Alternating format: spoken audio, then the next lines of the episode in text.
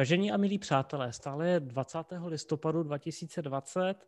Eh, já to radši datuju, protože kdo ví, kdy nás pustí ven. A eh, jsem rád, že můžu eh, v úvozovkách očkrtnout další z profesí, kterou jsem taky nestudoval. A docela mě, to, docela mě to mrzí, protože si myslím o sobě, že nějakou prostorovou představivost mám, ale eh, neumím pořádně držet tušku. Eh, mým dnešním hostem je architekt eh, Martin Lubič. Ahoj, Martine. Děkuji za pozvání, zdravím. Uh, Martine, já už jsem teda vypláznul o tobě, že, že jsi architekt, ale je to přesné? Představ si, že by tě někdo potkal na ulici a zeptal se tě, čím se živíš. Co bys takovému člověku mohl říct o sobě? Právě u mě, u mě to je takové zvláštní. Já se živím architekturou, ale cesta k architektuře u mě byla právě taková eh, klikatější. Já jsem eh, po vzoru svého otce, který byl všestranný výtvarník a pedagog, eh, šel cestou, že budu malíř jako on, hlavně na volné noze. A tomu jsem podřídil v podstatě už od základní školy svoje snažení ale jak jsem se po nějakých peripetích dostal na Akademii výtvarných umění, na obor malba, tak jsem začal modelovat v rámci té přípravky a mě chytlo jako modelování 3D jako sochy, tak se mi podařilo přestoupit na sochařství, kde jsem absolvoval sochařství, ale mým souputníkem od gymnaziálních let byl Petr Fabián, architekt, který studoval architekturu, ten se dostal na tu architekturu hned, takže skončil vlastně o čtyři roky dřív, než já jsem končil vysokou školu. Ale on pak přišel na tu akademii na postgraduál a společně jsme v roce 89 končili, uh, on postgraduál architektury, já sochařství a měli jsme takovou propojenou diplomní práci, já jsem dělal sochy a on dělal architekturu uh, do jednoho objektu v našem rodném zábřehu. Ale mě strašně bavilo se s ním bavit o té architektuře, co tam dělá. Já jsem vlastně dálkově studoval skrz něj tu brněnskou a i tu brešskou architekturu. A po revoluci, která přišla vlastně v zápětí, potom, jsme stoupili do profesního života, eh, jsme založili společnou kancelář Studio OSA a já jsem chtěl strašně projektovat, vymýšlet, řešit užitečné věci a přesunul jsem se z té sochařiny, dělal jsem i trochu grafiku, grafický design, eh, čistě k tomu projektování, takže od roku, řekněme, 90 jsem na 100% architektem. Ještě jsem stihl vyhrát nějakou soutěž, udělal jsem fontánu na, dlouhé, na dlouhé stráně ke správní budově, jo, která se pak vlekla, protože se vyhrála za totáče 17. listopadu z hlavného byla ráno schůzka první, eh, vyhrála jsem mi, dostal jsem rozpočet, dokončila se za pět let, kdy to bylo úplně za jiné peníze, ale prostě to byla jakoby moje jediná zakázka sochařství, jo, ale už se věnuju architektuře, začal jsem interiéry a postupně jsem se přesouval přes eh, i stavbu rodinných domů, i řešení bytových objektů, kancelářských prostor, i jsem navrhoval bytové domy. Eh, dělám celou škálu mimo urbanismu, takže eh, u mě to je tak, že já se jako eh, trošku jako chvějí, jestli mi to uvěří a jestli to smím říct, že jsem architekt, protože si to strašně přeji, protože to, protože to nemám vystudováno a nemůžu se ohánět, co vy můžete. Já na to mám školy, já to nemám, mm-hmm. ale mě to strašně baví a mě to naplňuje můj život jako štěstím, že můžu řešit tvůrčí věci. Takže ano, jsem architekt povoláním, ale vzděláním oficiálním jako výtvarník. Mm-hmm. To mě docela, docela zaujalo, že já jsem z Rapotína a na dlouhých stráních jsem, jsem jako párkrát byl, takže ty tam máš sochu, svoji jedinou instalovanou? Ano, Tána, Eh, před správní budovou, to je za tou bránou, kam se nesmí v podstatě, nebo se možná ty exkurze. Já jsem tam totiž, jak to povolání architekta je takové stravující, jo, tak já jsem tam vlastně v životě nebyl. Mm-hmm. Já jsem udělal návrh, pak jsem za, zařídil firmu, byl jsem tam během stavby párkrát, ale je to možná ostuda, já jsem za těch 30 let jsem to nejel podívat. Jo.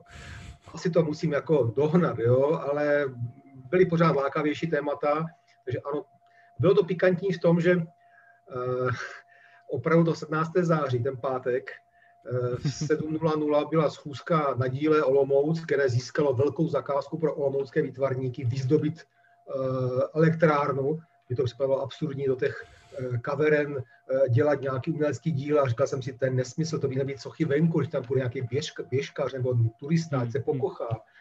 No a čas jako ukázal, že to bylo naprosto správně, že to je nejatraktivnější jakoby, turistická destinace tohoto typu daleko široko a že se chodí na ty exkurze. Takže to byl ten 17. listopad, který měl ještě pak takovou pikanterii, že jsem si dva dny předtím vyzvednul průkazku být na volné noze, kandidát Svazu výtvarných umělců. A z okolností toho 17. listopadu v Olomouci byla krajská schůze výtvarníků. Já jsem z té, z té první schůzce o těch zakázkách na dlouhé stráně, kde jsem byl přizván, šel na schůzi, kde jsem zažil tu šílenou atmosféru těch ustrašených uh, výtvarníků na volné noze, který nemuseli mít v to občance razítko, eh, že jsou někde zaměstnáni. Hmm. Byli strašně jakoby opatrní, aby neřekli něco špatně. A byla to období té přestavby a perestrojky a eh, ta, to, ten, ten, ta krajská schůze v hrozně ponurém sále, tam, kde dneska eh, u letadla byla, jo, taková úplně tísnivá atmosféra tam byla, nám říkali, no tak si navrhněte, jakoby, jak to chcete dělat, jo, a vím, že někteří kolegové vystoupili, že bychom si mohli náklady odečítat a nějak jako trošku tomu podnikání. Jo. E, takže to byl takový jakoby e, krátký exkurs do toho světa výtvarníků profesionálních, který pak v zápětí skončil, protože jsem se pak vrhnul e, opravdu s kolegy na kancelář projekční a takže takový, můj život je takový, taková exkurze, jo, exkurze po různých oblastech a oborech, a tímto jsem jakoby skoro završil tu svoji exkurzi do světa výtvarného umění a dělám něco, eh, co mé povaze je blížší. A to je určitá míra služby, určitá míra měřitelnosti, užitku a užitečnosti, což u toho volného umění je hrozný problém. Mm, mm. Volné umění je v podstatě jako eh, egoistický, skoro sobecký. Výtvarník na volné noze, který tvoří, jako, tak tvoří, protože musí, že nemůže jinak. Jo. Jakmile by člověk pochyboval, jakmile by člověk jako si nebyl jíst, jestli jako maluje dost rychle nebo, nebo, nebo dost pomalu, nebo sochá, jo. E, tam je to, tam je to rozdělené. A já jsem spíš uh, inklinoval k tomu, abych se mohl ohlédnout a říct, je to pěkné, ale i je tam jakási funkce, těm lidem to nějak i pomáhá v tom životě, že to mají dobře zorganizovaný, že je to prakticky. A to hmm. jsem právě hmm. našel eh, v té architektuře. A proč si na tu architekturu našel rovnou? Já měl oční vadu. Takže mě říkala paní doktorka, zavřel jsem se dokonce jako právě jsem měl odklá, odklady na, na ty vysoké školy uměleckého směru, kde se prostě bralo pár lidí z republiky, eh, se hlásilo běžně třikrát, čtyřikrát. Já jsem se dostal na po čtvrtý. Hmm. Vždycky byl problém u kluku, aby vás nevzali na vojnu. Aby, jo, jako, a vždycky jsem řešil odklad. Já jsem měl špatný oči, jsem měl 7,5 dioptrie a tak mě dali jednou odklad po druhý a po třetí mi dokonce dali na chvilku modrou knížku, že teda jsem se tam nějak vlezl, ale pak zjistil, že málo odvedli, tak mě pozvali na vojenskou zprávu s modrou knížkou řekli, máte modrou knížku? Říkám, ano, můžete mi dát. Tak mi takhle vzali a dali mi ten zpátky brněnský průkaz a řekli, oni se spletli, oni vás málo odvedli, takže změna, jste odveden tady máte zpátky brněnský průkaz. Takže eh, já jsem eh, měl tento handicap, který mi trošku pomohl v těch odkladech a eh, říkala mi, ta malba, to pro ty oči, krátkozraky silný, jako to je v pořádku. Kdybyste chtěl třeba být architektem nebo sochařem, kde zvíháš těžké věci, to by nešlo. No a výsledek byl takový, že jsem pak absolvoval jako sochař a dneska dělám architekturu, ale je pravda, že díky počítačům a já jsem velice brzy eh, pracoval jakoby na počítači, eh, si myslím, že ty oči jako trochu šetří. Jo? Že opravdu mm. tahat eh, rysovacím perem čárky a šrafovat spousta kolegů, co studovali, tak během studia přišli o několik dioptrií, že si zrak zhoršil. Takže to byl jeden z důvodů. Jo? A jinak to byl ten silný příklad toho otce a ta, ta, ta opravdu touha být svobodný. Jo? A to, to, to byla jedna z málo pro, mála profesí, jo, e, která byla svobodná a samozřejmě to bavilo. Já jsem měl touhu zachycovat hezký holky a, a, a prostě lidské tváře a to je ve mně pořád, jo, jako, že mi to baví, jo. Mm. ale to, to, to převládlo ta architektura. To shodou okolností, eh, ty jsi říkal, že vlastně v roce 89 si vlastně absolvoval, tak to máš eh, společný s tím mým předchozím hostem, s tím panem profesorem Tomášem Opatrným, tak ten říkal, že vlastně byl poslední, eh, poslední ročník, kdy ještě musel teda dělat státnici z Marksáku, říkal, takže to jste kolegové. A e, jenom mě třeba řekni, myslíš si, že když ty máš vlastně k té architektuře, že ses dostal až jako posléze přes e, ty další umělecké směry, teda přes malbu, přes sochařství, myslíš si, že třeba se ti to v té architektuře hodí, že máš jako kdyby nějaký trochu jiný pohled nebo trochu širší pohled? Určitě se mi hodí uh, ta jakási zručnost. Jo, jako to, to řemeslo, který každý uh, absolvent Akademie výtvarných umění nebo jiný vysoký škol, kde vás tam nepustí, pokud nemáte talentovky, uh, kvalitní domácí práce a neprojde se tou přípravkou, kde se vlastně rok člověk stojí u stojanu a úhlem šmudlí černobílého pána v nejdřív oblečenýho a pak prostě slečený, jo, že jako ten, ta schopnost eh, nakreslit rukou cokoliv, jo, si myslím, že je určitá jako výhoda. Jo. Pamatuju si, jak na stavbě jsem řemeslníkům kreslil ty trubky, jak se budou proplítat ve 3D jako perspektivě. Říkali, pojď sem, pojď sem, konečně to vidím, jo, protože byli zvyklí na půdolí řez nebo nárys, jo. Mm-hmm. Takže po té řemeslné stránce určitě. Potom eh, jsem obdařen, zaplať pámu, jako prostorovou představivostí. A ta je spojená s tou malbou a s tou, s tou sochou a v té architektuře to je strašně důležité. Já v podstatě, když něco řeším a jsem v tom vnořený, tak já můžu kdykoliv zavřít oči a jsem v tom prostoru a já ho vidím, obcházím to a umím to prostě popsat a umím o tom přemýšlet. Takže tam to spojení, já si myslím, že ta architektura vytváří do značné míry jedno jest. Jo? Že, že ta, ten, ten, ten práce s tím prostorem, se zobrazováním, předání nějaké vize, jo, e, tam je. Ta architektura má ale e, jako taková, řekněme, řekl bych, královská disciplína, e, daleko ještě spoustu dalších vrstev. Jo. A to je na ní jako zajímavé něco jako medicína, jo, si myslím, že taky mnoho vrstev že dobrý lékař musí být psychologem, musí se orientovat hmm. v technických naukách, musí uh, opravdu i tu chemii, nějakou biologii, nějak z ní vládnout a z ní vycházet, tak v té architektuře je to právě od toho jakoby krásná, což je strašně choulostivá disciplína, co to je krásné a módní a takhle nějak, jo, uh, ale ta schopnost vnímat uh, to, co vzbuz, lidech zbuzuje nějakou pozitivní emoci, což by a pak ještě to, co v ní zbuzuje i emoci jako eh, bezpečí, jako, hmm. jako, jako eh, to, to, je, to, je, to je prvek, který se strašně špatně jako vysvětluje nebo učí, jo? kdy je mi dobře a kdy je mi špatně, v jakém prostoru. A je to ještě individuálně, jak, jak, jak jsou lidé sovy, ta, jak jsou lidé sovy a skřívaní, tak jsou lidé eh, orly a jezevci a někomu je dobře v noře a někomu je dobře na orlím hnízdu. Jo? Mm-hmm. A teď, mhm. teď, teď tam, pak tam přichází ta složka toho, té psychologie. A myslím si, že tam je i potřeba notná dávka empatie. Protože eh, já si myslím, že dobrý architekt eh, se neseberalizuje tak, že někomu vnucuje eh, své vize a jako svoje měřítka hodnot, takže to káže a přikazuje. On je musí mít, on musí mít nějaké svoje jakoby, hierarchii hodnot, kterou zastává a kterou nabízí a v rámci ní je schopen dělat tu službu. Když je hmm. zatlačen za tu čáru, tak by měl umět říct děkuji, nezlobte se, ale já toto nemohu pro vás dělat, toto nejsem již schopen. Já jsem schopen se podat o tuď potuď. Jo. Tam musí dojít nějakému průniku.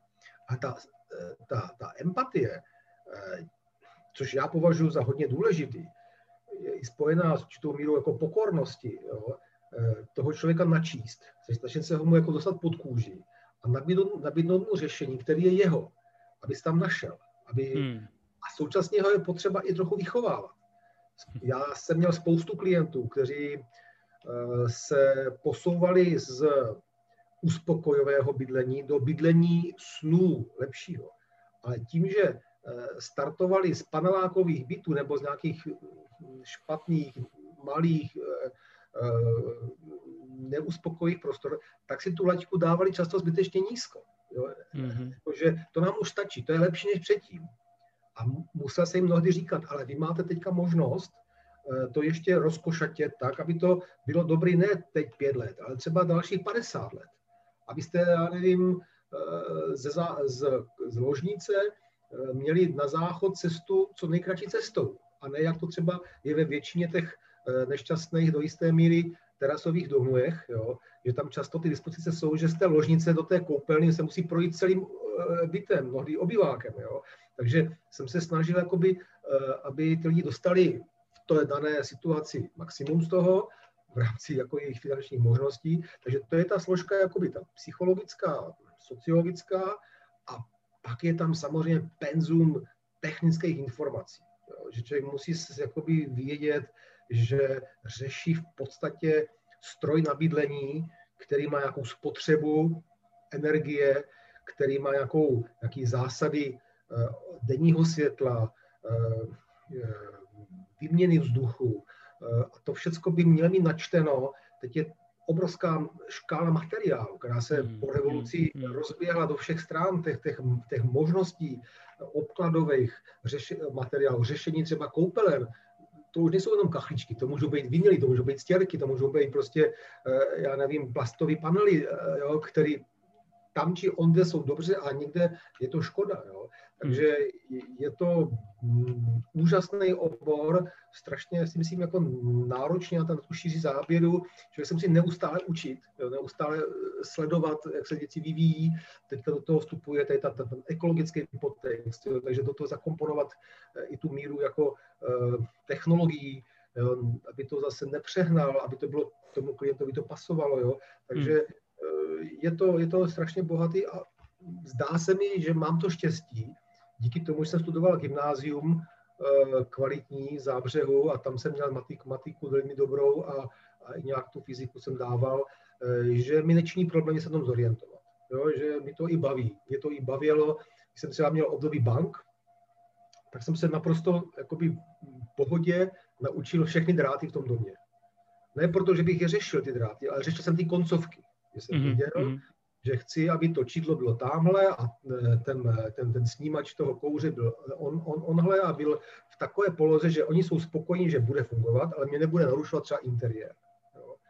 Takže jako to, to, to, to, hmm. toto mi šlo a díky tomu se mi i dařilo, řekněme, e, splnit ty úkoly, ty zakázky, ke kterým jsem se dostal a, a nějak to dávám už 30. rok řádově na volné noze.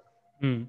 Uh vlastně můj tata byl projektant v investiční výstavbě, takže to je trošku něco, není to přímo jako, uh, no, řeknu životní prostor, s čím se omlouvám teda za tady tenhle ten hnusný termín, um, ale jako mě třeba, jako, jak jsem říkal, já mám taky nějakou prostorovou představivost, ale u mě je ten problém, že já mám volšový ruce.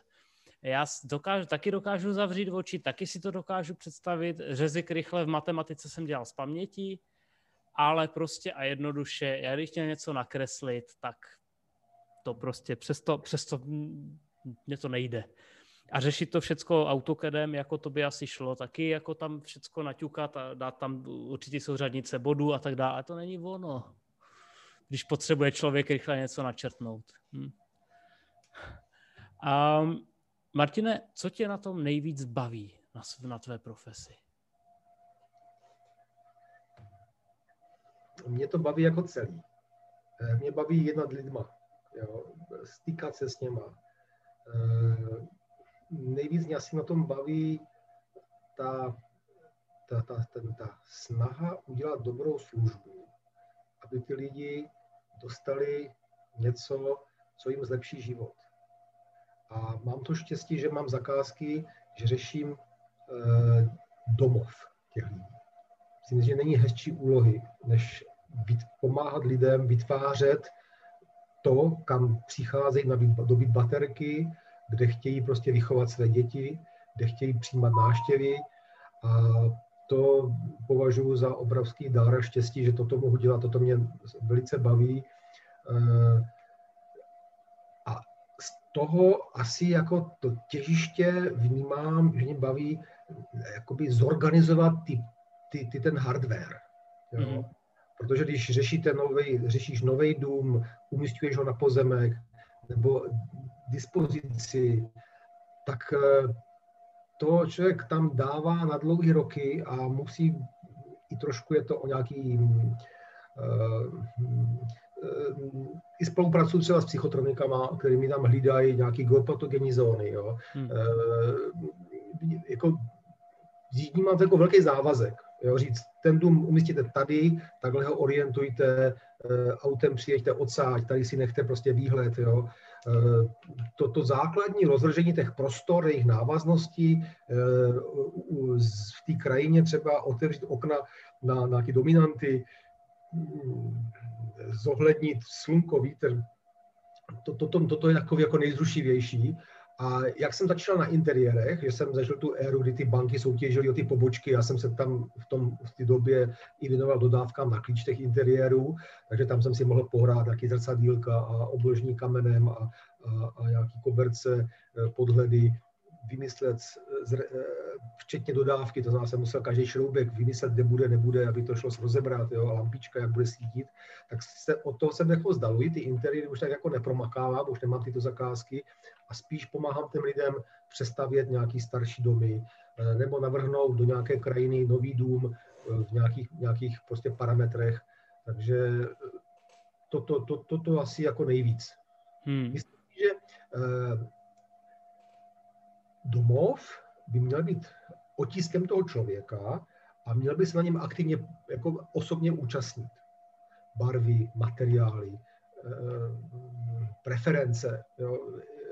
Eh, a to si myslím, že ten interiér, ten se dá jako předělat. Jo. Dá se položit nová podlaha, eh, dá se dát závěsy na okna, aby byla lepší akustika, dá se překachličkat koupelna.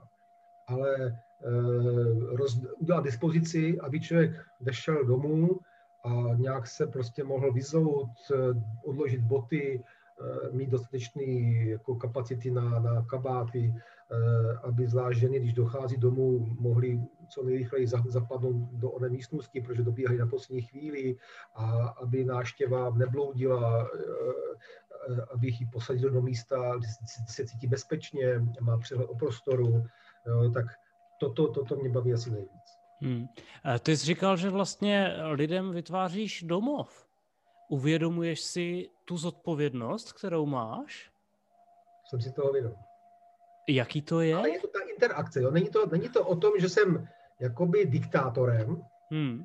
spíš je tam poloha toho mediátora. Já se cítím spíš jako mediátor do jisté míry že mám hodně klientů, kteří jsou velice vzdělaní, inteligentní, dneska díky internetu si všechno vygooglej, takže oni přicházejí uh, nabití informacema jo, a uh, já je s nimi prostě utřepávám, uh, diskutuji, hledáme prostě silnější a slabší stránky, jo, takže uh, je to odpovědnost, ale nemám z toho nějaký, nějaký, nějaký mindrák nebo, nebo, nebo špatný spaní, protože to vzniká v tom dialogu a já se vždycky snažím, a to je docela pracný, jim předes, předeslat maximální škálu řešení, popsat jim ta řešení, které mají svoje pro a proti, jo, a, a, a tlačím je, aby oni vyslovili ty, ty preference, aby řekli, eh, já nevím, my chceme dobrou údržbu, my nechceme koberce, my chceme setřít na vlhko. Jo? A já hmm. říkám, já třeba jsem kobercový typ, protože zase dobrá akustika. Jo? Čím tu akustiku budeme řešit? Jo? A tak, tak jako se vede ten dialog. Takže nemám z toho jakoby špatný spaní, že jsem někomu to udělal třeba neúplně dokonale, ten, ten domov, čili je to vždycky ten dialog, ta interakce a mnohdy ty lidé už jako si to dotahování, jako obrázky, kitky, eh, dekorace, uh, už dělají jako, jako sami nebo si mě zvou k nějakým problematickým momentu. Takže jim jako vykolikují hřiště a třeba jim poradím, že na tom hřišti by se třeba líp hrál nějaký basketbal než, než hokej, jo, eh, a, a, a nechám je, ať si to tam tu hru jako prostě udělají podle svého gusta. Hmm. Eh, ty jsi to trošku nakousnul. Mě by ještě zajímalo, jestli mě pustíš trošku do kuchyně, metaforicky teda. Hmm. A já tě skontaktuju, protože chci, abys mě navrhnul barák. Jak to bude probíhat? No, tak záleží, jestli už máš pozemek nebo nemáš pozemek. Předpokládám, že většinou lidé už přicházejí, že už mají nějakou lokalitu. Hmm. Někdy je i jakoby ideálnější, když se mají ty lokality víc a řekněme tři varianty a teďka řešíme, která má svoje pro a proti. Jo, a to pak už člověk jede se podívat, jestli tam je vysoký napětí někde blízko, eh, jaký tam je jako, jako větry, jaký tam je vzduch, eh, jak je to orientovaný vůči slunci. Jo. Třeba jsem řešil u Šumperka, krásný příklad, rodinný dům na místě, byl taky orel, chtěl vyhlídku, eh, mladá rodina na kopečku. Byl to severní svah. Mm-hmm kde se podařilo i dokonce vymyslet ten dům, že byl sice eh, na tom severním svahu, eh, měl výhled na ten Šumperk z nějaké vedlejší vesnice a to slunce ze zadní strany jsem vpustil do interiéru. Jo, byl jsem na ten domeček jako hrdý a on byl jsem spokojený. A nějak se to trošku zaseklo, že to povolení se vleklo, takže chtěl začít ještě před zimou a že na jaře a eh, byl tam trošku problém toho převýšení, že tam byla dlouhá přízdová cesta, ale jako budíš. A on byl, je sportovec a na jaře, jak se dělal hezky, se na kolo a jel se tam podívat. No a teď tam přijel, všude bylo jaro a ten svah byl plný sněhu. On pochopil, že tam žít nechce. Jo? A, a to, to si myslím, že jako je správný, že ty věci mají mít nějaký proces, že tam třeba říkám, ten, choďte tam na ten pozemek, vemte si pitníkový košík, a teď tam pobuďte a procházíte se, hmm. je vám dobře a tak dále. Jo? Takže to by byl první krok jako zda to místo funguje a jaký má možnosti. Pak je samozřejmě druhý krok, a to třeba lidem říkám, napište mi jako zadání, takový libreto, co jsou vaše priority, jak to má fungovat, kolik místností, jaký vazby, pracovna, kolik dětských pokojů, eh, takový to, to přání, jo. Pak do toho vstupuje nějaká třeba finanční limita, pak jsou tam nějaké regulativy, jak to může být vysoký a blízko u hranici pozemku a, hmm, hmm, hmm. dál, jo, dá se kubíkama říct, že to může stát kubík tolik, takže jo, pokud to má mít 6 milionů, tak nemůžeme překročit nějakou objemovou jako hranici. Když to je ve svahu, tak se tam započítávají nějaký že jo, komplikovanější zakládání té stavby, to je o tom podsklepit, nepodsklepit, garáž, dvojgaráž, škola, přístřešek, jo, kolik máte hmm, kol, kolik máte dětí kol, jo, kam si je dáte, jo. Takže tohle to jako to, to, to, to, to, tu náplň, to libreto, no a pak se tvoří a dělají nějaký, dělají nějaký základní koncepty, eh, scházíme se a propracováváme případně varianty, jo, takže třeba se mi stalo, že jsem měl klienta, který měl vyprojektovaný lidi dům na parcelu a nějak to tam prostě opustil. A teď ten dům, který, na kterým odpracoval spoustu času s tím architektem, chtěl napasovat na nový, úplně atypický pozemek. A e, jsme se tam byli podívat, já jsem se pokoušel ten hotový objekt s nějakýma vztahama tam napasovat, byl to problematický a on neměl moc chuť to už měnit, že už měl pocit, že to má vymakaný. A já jsem mu udělal takovou škicku ve 3D počítači, to byla skále, vymodeloval jsem tu skálu, udělal jsem mu dokonce orientaci, co z toho uvidí jako kopeček a, město Olomouc dáli. A udělal jsem tam eh, takovou základní jenom schéma takovou jakých rovin, takových desek, že by ten dům mohl být takový modernější. On ho měl takovým jakoby útulnějším stylu, sedlová střecha, cihlová taška a obložený režnou cihličkou. Jo? Chtěl takový konzervativní domek. Já jsem tak jako oťukával, že by tam se mi líbilo něco takového modernějšího, s rovnýma, s rovnýma střechama. On říkal, rovnou střechu nikdy, jo, prostě to jako nefunguje, nechci jo, řešit. A tahle ta škica, tahle ta, ta vize ho tak oslovila, že to přehodnotil. Řekl, tak pojďme, mě se to, mě to zaujalo, jdeme do toho. Dům stojí a mám z něho velkou radost a patří k mým jakoby, životním jakoby, úkolům, který jsem mohl eh, řešit a byla i výborná jakoby, spolupráce s tím klientem, který má eh, výborný technický vzdělání, dokonce má i jeho technický servis ve své firmě, takže spousta detailů se dala řešit přímo s ním, jo, že to bývá mnohdy problém. Když chcete udělat přes roh prosklené stěny, které se odsouvají a má to být v režném zdivu, který má odvytrávanou mezeru a přesto jezdí žaluzie, a ty cihličky na té fasádě mají vytvořit tu škvírku, kam zmizí ty žaluzi a nemají po první zimě opadat, jo, tak to je spousta technických detailů, jo, který mě baví řešit, To já se přiznám, že já jsem tam třeba udělal 90 detailů eh, oken a dveří, kdy jsem každý dveře a okno říznul do boku a z vrchu, aby všichni věděli, všechny řemesla, jo, kde končí zedník, kde přijde obkladač, kde dělá žaluzí, eh, kde eh, oknař prostě zakončí ten či oný prvek, jak vypadá oplechování. Jo. To bývá docela složité, ale díky tomu to se dotáhlo do detailu a ten klient je spokojený a dneska jsme přátelé a když jsem tam pak s ním ležel v wellnessu a odpočívání se koukali na svítící Olomouc, tak eh, to bylo jeden z nejkrásnějších jako, odměn, který jsem mohl mít. No. Martine, co děláš, když nepracuješ? Jak relaxuješ?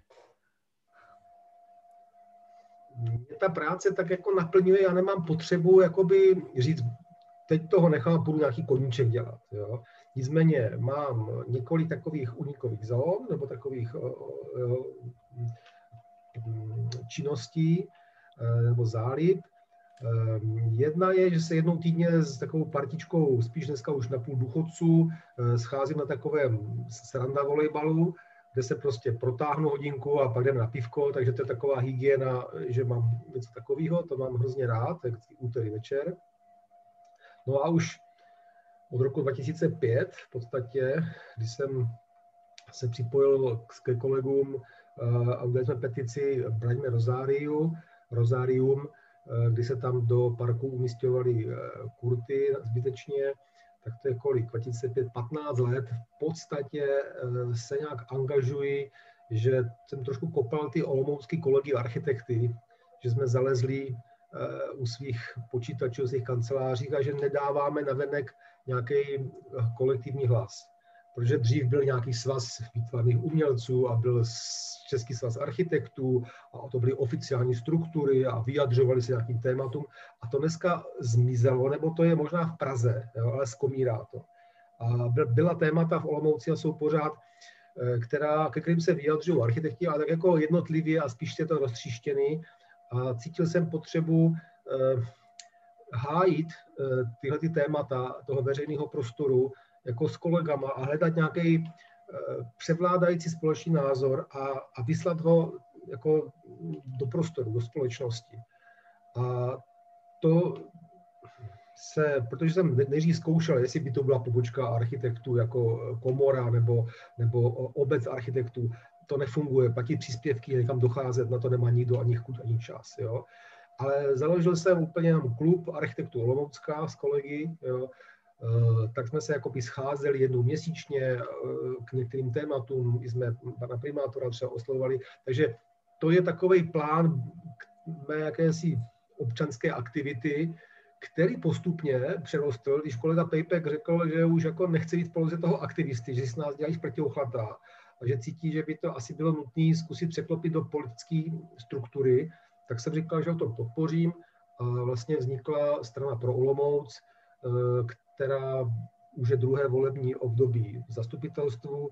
A já mám tu čest, že toto volební období, ty dva roky, co to běží, jsem jakoby zastupitel eh, města Olomouce za pro Olomouc, sleduji některé okruhy témat, věnuji se povodňovým, protipovodním opatřením, věnuji se tématu zimního stadionu a té, té uvažované multifunkční haly, Eh, takže toto je taky činnost, která mě jako svým způsobem taky naplňuje, nebo mě považuji za užitečnou.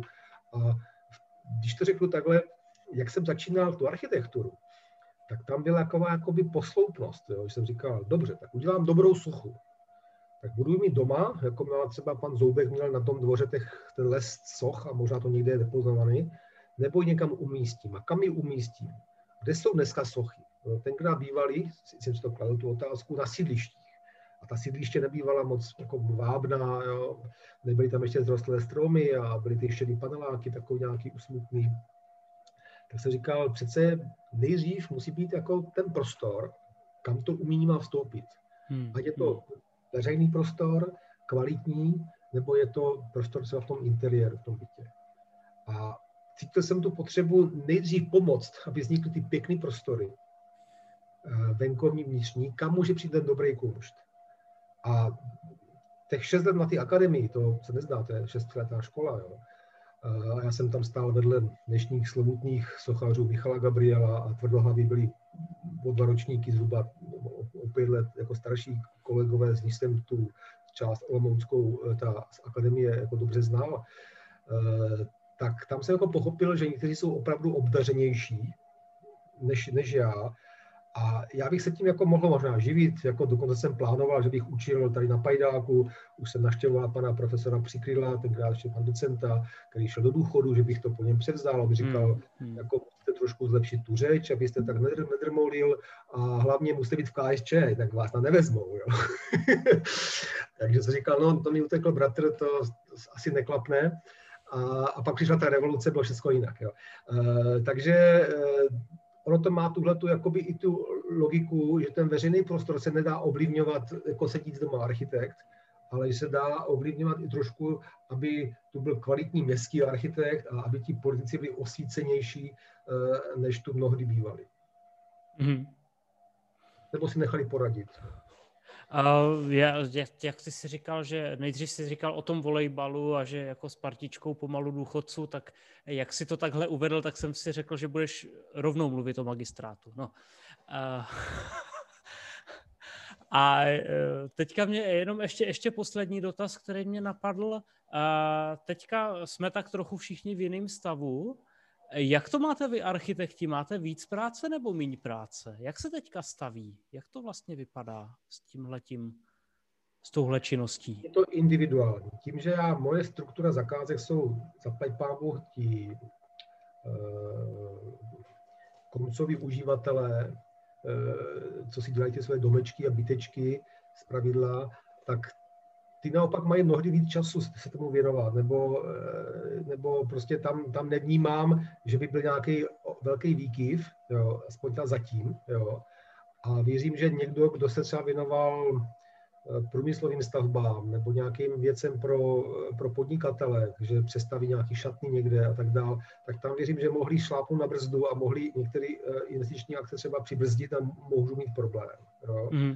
Na druhé straně ten, ten obrovský stavební boom a ten nedostatek eh, řemeslníků a, a firm stavebních, eh, mám pocit, že se mírně projevil, že ty práce je méně a tudíž je snaží eh, o něco málo se vůbec bavit, že by někdo byl ochoten někomu něco postavit a, a ještě možná za, rozum, za rozumné peníze. Takže mně se to v podstatě nějak zatím nedotklo, že bych čekal na zakázku, protože většinou nestíhám a mám takhle za sebou několik klientů, který mě už se jako tady, už máte na nás čas, už, už to do, dokončíte, už mi to uděláte, takže zatím to jako necítím a mám co pořád dělat, ale je možné, že někdo, kdo má zakázky jiného typu, s tím může mít problém. Mm-hmm. Martine, já ti moc děkuju. A já ti děkuju, že, že jsi našel na mě čas, eh, nakonec nějakou skoro tři čtvrtě hodinu. A děkuju, že jsi mě pustil trochu uh, pod, že jsi, mě pust, že jsi mě pustil k rýsovacímu prknu a k plotru a, a, a že jsi mě ukázal, jak tady tahle ta profese vlastně funguje a co je k tomu potřeba. A eh, děkuju a doufám, že se zase někdy brzo potkáme a vždycky přeju eh, za prvé eh, pevné internetové připojení a ještě pevnější zdraví. Děkuju a děkuji za pozvání, je to pro mě čest. Tak jo, čau.